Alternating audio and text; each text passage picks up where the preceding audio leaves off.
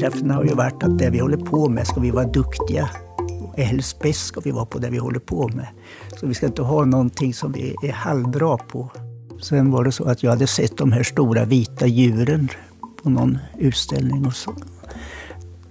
De tänkte jag att det vill jag ha när jag blir stor. Jag, stor, jag var väl vuxen då, men jag varit lite fascinerad av just de här stora vita djuren. Så jag, jag ser fördel att ha till bolag. Det är ett bra sätt att smyga in och göra ett generationsskifte. Hej och välkommen till Kopodden. I det här avsnittet så ska vi bege oss till Östergötland.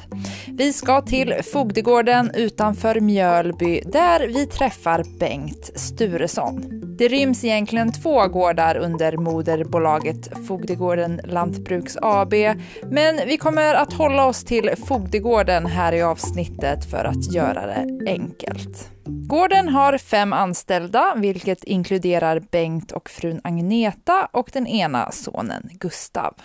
Verksamheten har flera ben att stå på där den största är äggproduktion med cirka 64 000 värphöns, växtodling på 400 hektar som i huvudsak odlar spannmål åt hönsen, vindkraftverk och så två avelsbesättningar.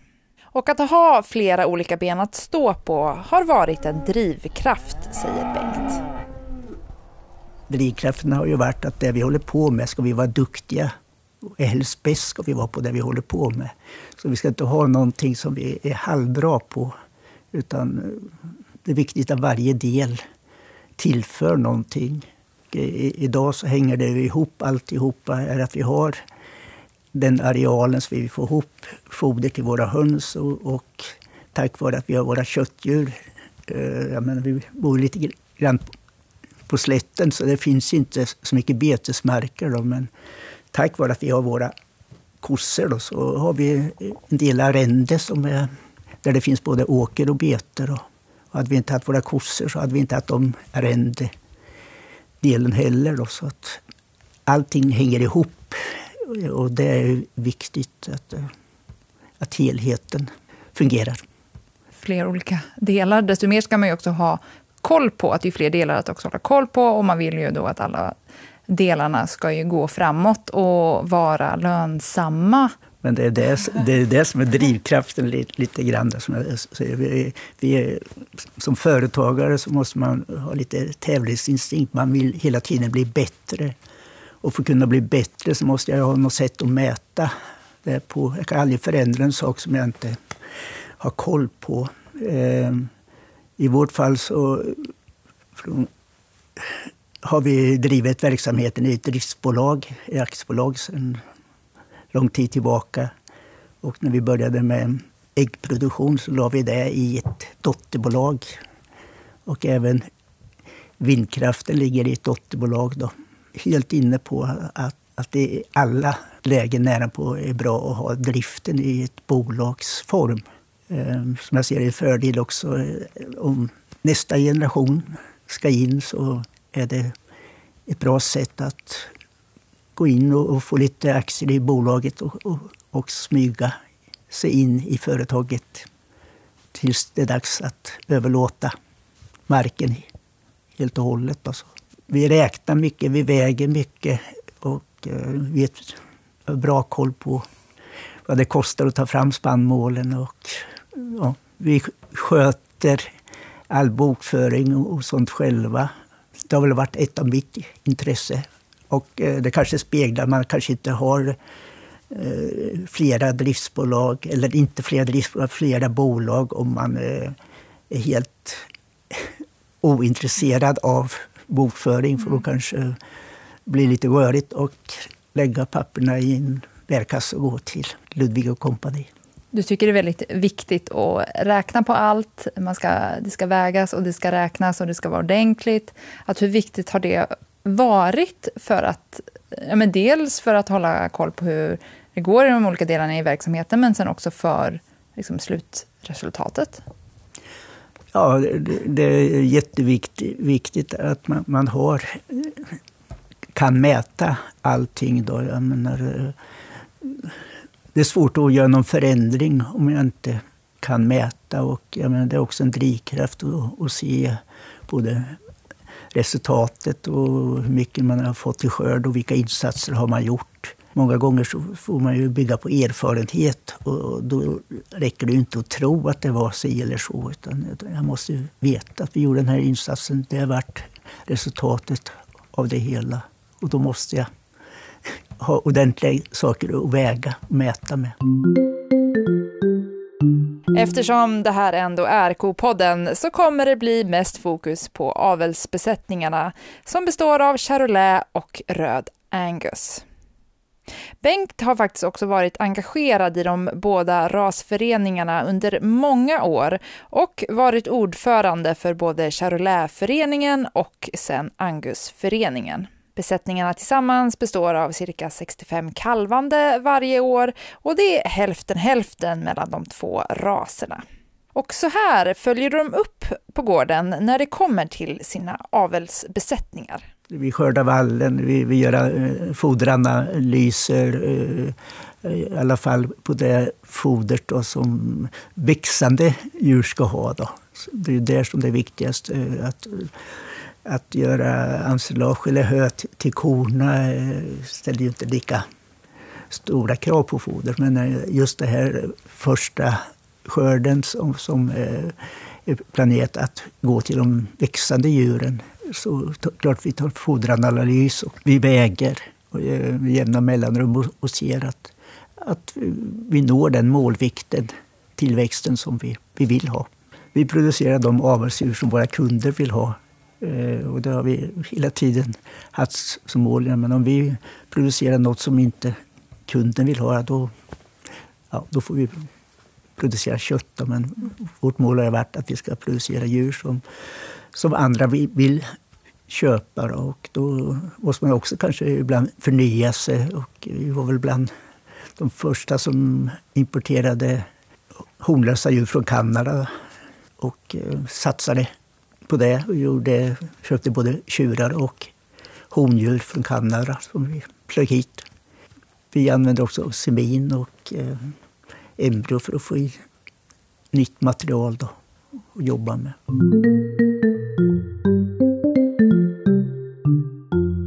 Sen var det så att jag hade sett de här stora vita djuren på någon utställning. Och så.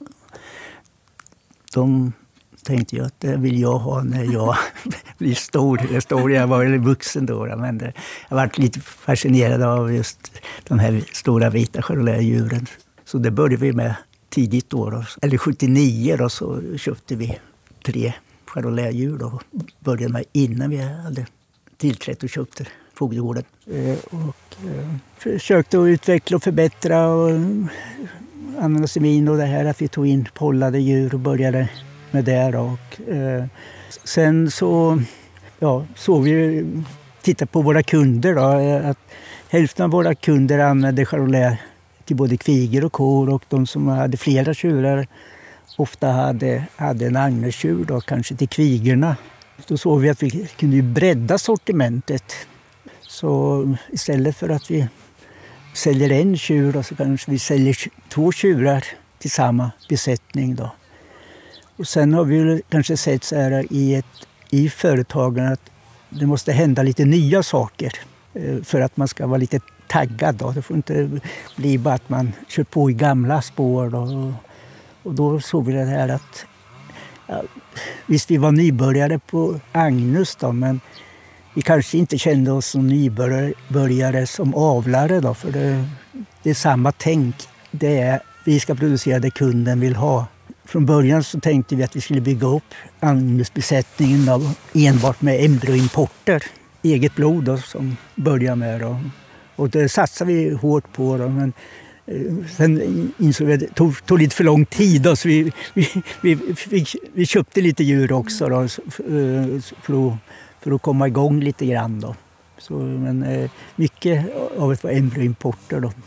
Och eh, just att vi använder semin det gör ju att, att vi är alltid när kunder kommer tillbaka om två år så har vi alltid något som är obesläktat med det som man hade förra gången. Då. Så, eh, det har väl varit en liten drivkraft det här eh, att hela tiden göra djuren än bättre och då kanske de här produktionsegenskaperna som vi har satsat jättemycket på. Det här ben, klövar, lynne, djur och spenar. Jag vet när jag pratade om, om det för 30 år sedan så undrade det ju bara mjölkkor.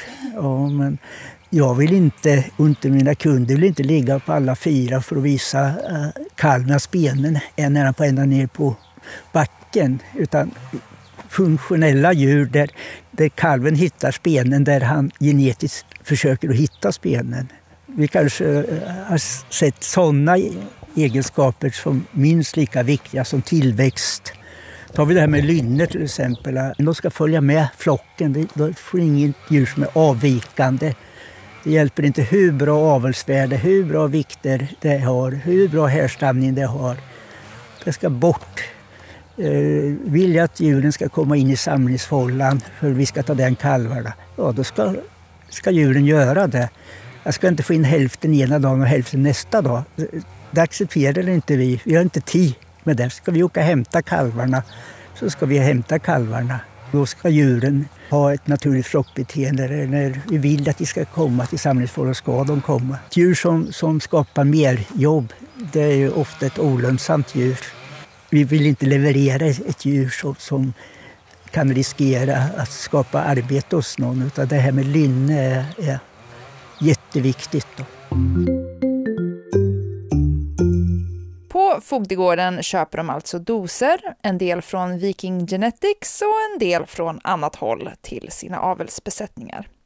Det finns också avelstjurar på gården som får eh, samla ihop det, men minst hälften av de kalvande är seminerade. På gården har de också valt att alltid använda vår seminservice. Vi köper ju tjänsten eh, för vi har gjort bedömningen att, att vi seminerar en så kort tid på året att vi då ja, inte får in tekniken. Vi tycker att vi har bra direktlivsresultat. Alltså att det är inte det som, vi känner inte att vi skulle kunna förbättra det. Utan då, så länge den servicen finns så kanske vi fortsätter. Ja, semin kommer finnas kvar, det kan jag nog nästan garantera. Tror du det? jag kanske tänkte att det blir så mycket egenseminering så blir, så blir bara vi kvar. Då, då lägger man ner det där. Och så dräktighetsundersöker ni innan eh, djuren släppte ut på bete sa du? Ja, de som eh, är möjliga att göra där. Och eh, det är både med ultraljud och vanligt sätt. Sen så dräktundersöker vi på hösten också. De flesta djuren har vi en anteckning på.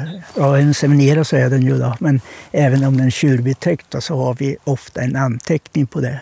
Vi vill gärna gruppera dem efter hur de kalvar tidsmässigt. Då. Och då, då har ju jag här, är, är, det, är det fem månader eller är det sju månader? Ofta så kan ju riksdagspersonal säga det. Då, och då ja, det är jättebra för grupperingen. Då. För då är det ju mest kontakt med våra husdjurstekniker som kommer hit. Hur tycker du att eh, de besöken brukar funka? Ja, de fungerar. Vi känner att vi har jättebra service. Då. vi är jättenöjda med den servicen. På Fogdegården har man alltså valt att inte bli djurägarseminörer utan de anlitar alltid Semin. Och de här fördelarna finns det med att anlita Semin enligt husdjurstekniker Elvira Lund. Alltså det beror på lite hur, vilket resultat man får när man seminerar själv. Det är klart en, en eh, utebliven seminering eller utebliven dräktighet kostar ju rätt så mycket pengar. Liksom. Man vill ju få dem dräktiga i tid. Så det är väl eh, lite beroende på vem det är det gäller. Och sen en annan fördel kan ju vara att man eh, alltid får, kan använda de senaste tjurarna. Eh, beställer man hem tjurar så får man ju leverans med regelbundna besök. Medan vi har tjurarna på plats och kan ta med oss ut samma dag. Så det är väl en fördel så. Eh, men också att man kan ju välja en tjur som passar specifikt liksom för en ko. Och så kan du välja en annan tjur som passar bättre till den andra kon. Eh, valmöjligheterna blir ju, blir ju större. Eh, och oftast så vet man vad man får. Och när man får en kalv också är ju en fördel. Och om man då har nötköttsproduktion så kan Växas husdjurstekniker hjälpa till med en hel del. I princip samma som en mjölkbonde kan ha. Det är ju fruktsamheten, dräktighetsundersökning, känna på djur, semin, avhorning, embryoinläggning. Den enda skillnaden är väl egentligen att vi inte hjälper till med robotprovmjölkning eftersom man provmjölkar inte. Däremot så väger vi, assistansväger ungdjur då för de som är med i kapavel. Så det är antingen vid 200 dagars eller 365 dagars eh, ålder. Och gärna en och annan nyfödd kalv också. Det är såklart mycket fokus på avelsarbetet på gården eftersom det främsta målet är att kunna sälja vidare fina avelsdjur. Vår satsning bygger på att en stor del går ut, då, som, om vi tar på ungtjurarna, går ut som avelstjurar. Då. För annars kan vi inte hålla på och lägga kostnader på semin och, och det här med embryo, importera nya embryo och liknande. Utan vi måste slå ut det på, på en stor del sålda tjurar eller hondjur. Då. 75 procent av våra tjurar går ju i alla fall ut då som beteckningstjurar. Då. Så vi, vi måste ligga på den nivån då, annars så. För vår produktion är väldigt så dyrt. Med, visst, jag ser semin som både ett verktyg men det är också en kostnad. Då. Men det är också det här att försöka hela tiden förbättra varje individ. Och det, med avelsvärde och sånt så kan man ju kombinera. Eh, det är ju rätt så roligt att sitta och titta. Vad ska vi förbättra på denna kossa? Eh, och sen välja därefter. Det är egentligen samma krav på båda raserna. De ska avvänja en bra kalv och vara bra mödrar. Jag har svårt att se att våra avelsmål egentligen är olika för raserna. Eh, Visst är en lätt ras och en tung ras. Det ska ju vara skillnad i storlek. Vi vill inte ha de minsta Agnuskorna men vi, vi, vi har ju tagit en Agnesskor för att vi bedömer att de är för stora. De är inte rastypiska.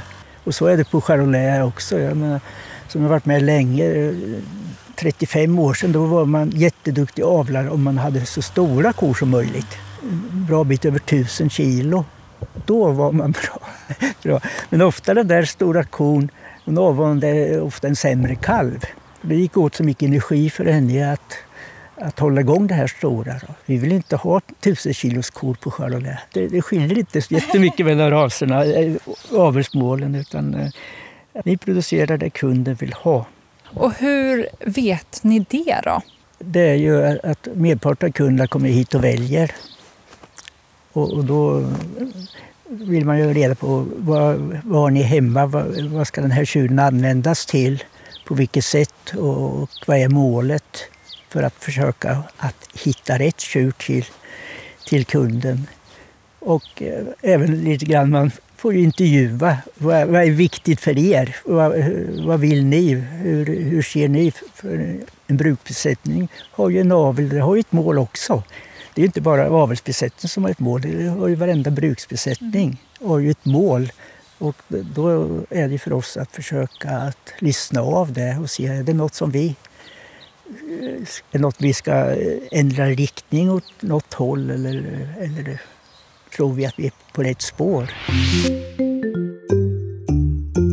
Bengt Sturesson har varit företagare i 40 år och nu har det faktiskt skett en generationsväxling och sonen Gustav har tagit över. Gustav har varit involverad i företaget sedan 2008 och numera är Bengt egentligen pensionär. Och Bengt har ett tydligt råd till andra företagare som han också tycker förenklar ett generationsskifte.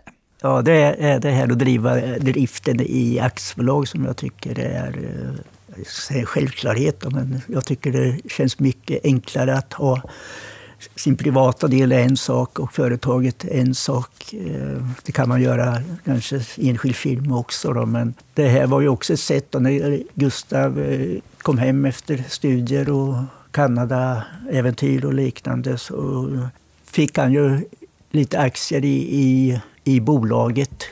Fast han, inte förrän nu då, som vi har gjort generationsskifte på, på ägandet av fastighet så har han ju nu under några år haft aktiemajoriteten i, i bolaget. Och så han har ju ja, så jag, jag ser fördel att ha till bolag. Det är ett bra sätt eh, att smyga in och göra ett generationsskifte eh, ja, längre fram när man då ser att det passar i tiden. Och det har ju tagit oss tio år att genomföra det här generationsskiftet. Då, så att eh, det är väl rätt så väl genomtänkt. Känns det som ni liksom hittade rätt väg genom det här? Ja, det måste ta tid. Då, och, eh, ja, men jag, jag tycker det, det, viktigaste är väl att syskonen kan acceptera det hela. Och, eh, nu har vi gjort så eh, att jag och min fru har ju kvar en del aktier i bolaget. Och där har vi som lite dragspel. Och om det blir så att ehm, ja, fastighetspriserna fortsätter att öka, då får väl Gustav köpa våra aktier som vi har kvar. Ehm, och så får vi ta de pengarna och ge till hans syskon. Då, så, så vi har kvar ett litet spelutrymme för att ja, inte komma allt för tokigt till. Vi har tre barn och eh, vi fick väl, eller det var bara att konstatera från början att vi, vi kunde inte vara rättvisa fullt ut för då hade det bara varit att eh, gå till en mäklare och annonsera ut det hela. Ja, på grund av att markpriserna i vår omgivning är ju så höga så skulle man omsätta det då så... Du, du sa tidigare att ni visste att ni inte kunde vara helt eh, rättvisa med barnen. Eh, och jag tänker just det här, alltså så här, pengar och fastigheter och sånt, det kan ju vara svårt ibland att eh, prata om. Det kan vara lite känsligt, det kan vara liksom så här att har det varit... Alltså hur har de diskussionerna varit? Har det varit svårt liksom, inom familjen att eh, diskutera det här och liksom kom, komma fram till en bra lösning? Nej, men det har ju gått bra. Gustavs syskon eh, ville ju att han skulle ha möjlighet att fortsätta. Och, eh, så, men visst, eh, det är svårt just att fastighets värdena är så höga i förhållande vad, vad man kan bära. Då.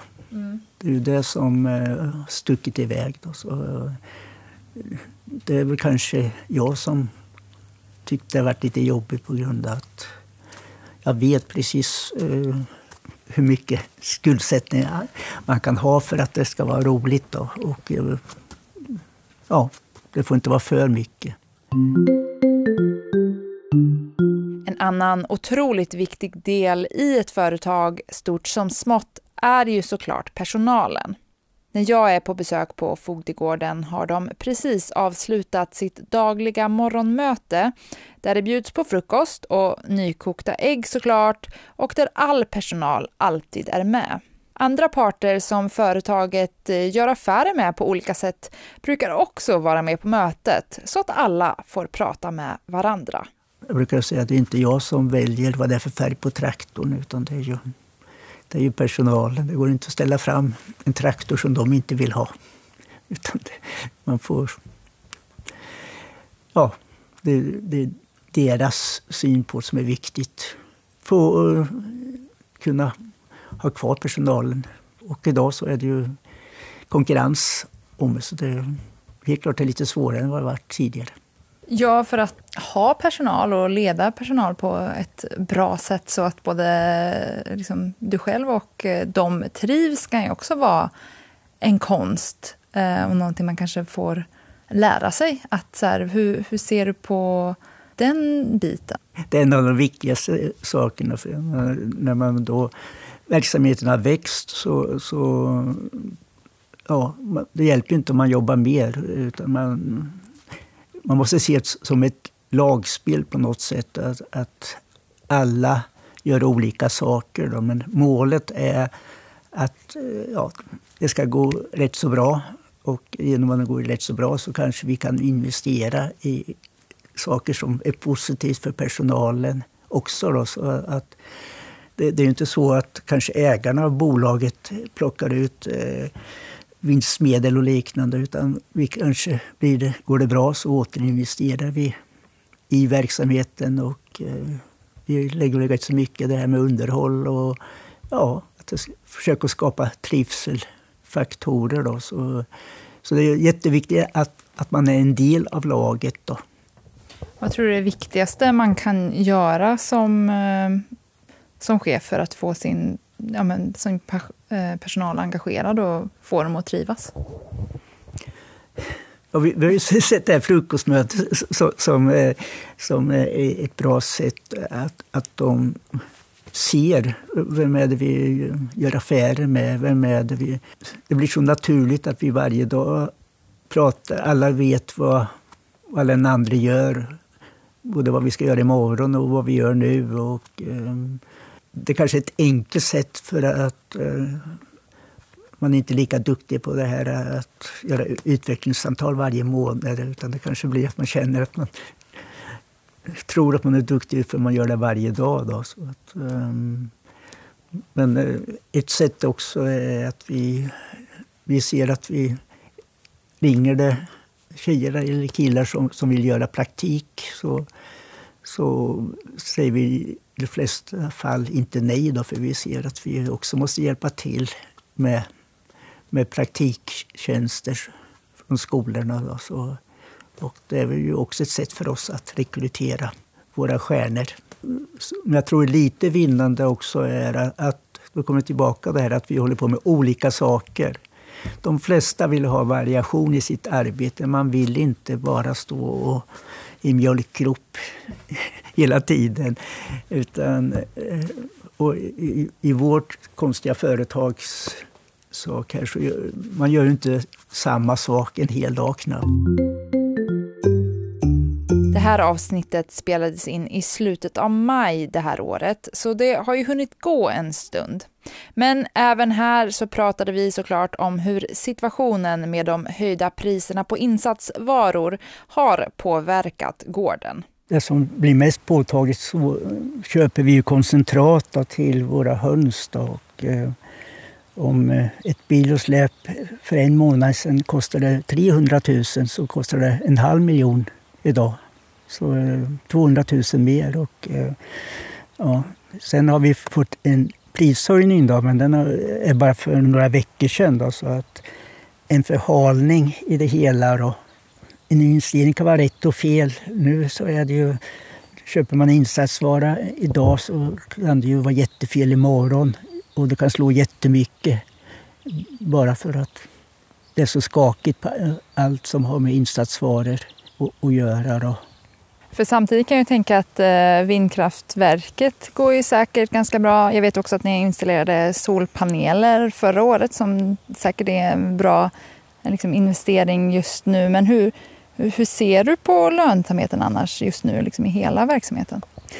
Ja, eh, vindkraften går ju bra just nu. Då, och, eh, vi investerar i solpaneler eh, både på vår anläggning och den nybyggda av tjurstallet eh, för ett år sedan. Då. Eh, den kalkylen såg inte jättelysande ut då, men eh, jag tänkte att vi kan ju prova på det. Och det är klart, det vart ju rätt nu då eh, med det elpriset som är. är då. Så det, ehm, men ändå att köpa in el idag med det skakiga priset, hur gör man? Jag menar det, det är också just nu eh, den anläggningen som vi har hönsen har vi ett fast pris 11 månader till. Som, eh, det, är, det pris vi betalar nu är, är ju bara som man, de flesta skulle drömma om. Men jag vet ju vad som händer om 11 månader. Ja. Då slår ju det rakt igenom. Va? Så, eh, men det är bara att vara glad 11 månader till då. Som, eh, som priset är som det är. Hur ser du framåt då på liksom lönsamheten för företaget? Om vi tar den skörden som vi har framför oss nu, 22, så har man ju haft en lägre kostnad för insatsvaror. Men om den gröda vi ska etablera i höst för skörd 23 med, med helt andra priser på insatsvaror och där vi idag inte har en aning om, om prisnivån är i de här vete för fyra kronor, det, det, känns helt, helt horribelt på något sätt. Va? Men man kan ju betala höga insatskostnader om, om man får det priset. Då. Men eh, det vet vi ju inte. Går det tillbaka till ett normalpris kanske som tidigare på 1,52 kronor, ja, då, hur skulle den kalkylen se ut 23? De törs inte tänka, sig, tänka där. Då, som, eh, och vi kanske inte eh, är så roade av att ett högt vetepris då, när vi förädlat allt vete och som säger, havre och lite råvete genom våra höns. Då, så det är vad vi får för våra ägg som ska betala vårt arbete och vår spannmålskalkyl också. Då. Det är bara att leva med den osäkerheten och, och hoppas. Det är klart att eh, man vill ha svensk råvaror framåt. Det kanske det här i vårt omvärld blir lite mer påtagligt att det kanske är så bra att vi producerar i närområdet också. Inte bara importerar när vi blir hungriga utan att vi själva har en... en jag menar, igen, nötkött kan vi öka. All, all produktion kan vi öka i landet. Vad tror du om framtiden för verksamheten? Kommer den växa ännu mer? Vad tror du liksom kommer att hända i framtiden? Ja, det, det, är klart, som, som företagare så visst, man, man, kan, man kan plocka den en verksamhet som inte är lönsam och det, det skulle vi göra direkt då. Eh, om det är så. Så man ska inte vara rädd för att ta den en verksamhet. Eh, men eh, det är klart att, att eh, Gustav inte vill eh, minska sin verksamhet. Det tror jag inte han vill. Och som säger, just nu är det så vältajmat just det här att vi har areal till våra höns och vi har våra köttdjur som, som förädlar lite vall på våra jordar. Och, och som säger, helheten är viktig. Och eh, det kommer Gustav också fortsätta med tror jag. Och det är klart att han inte vill, vill eh, minska sin verksamhet. Han skulle väl säkert vilja bygga ett hönsstall till om det behövdes. Och det var allt från Kopodden och Fogdegården för den här gången. Bengt Sturesson, som du hört, är ju egentligen pensionär och sonen Gustav har tagit över allting. Men Bengt säger att han fortfarande tycker att det är roligt så han kommer fortsätta att jobba en stund till.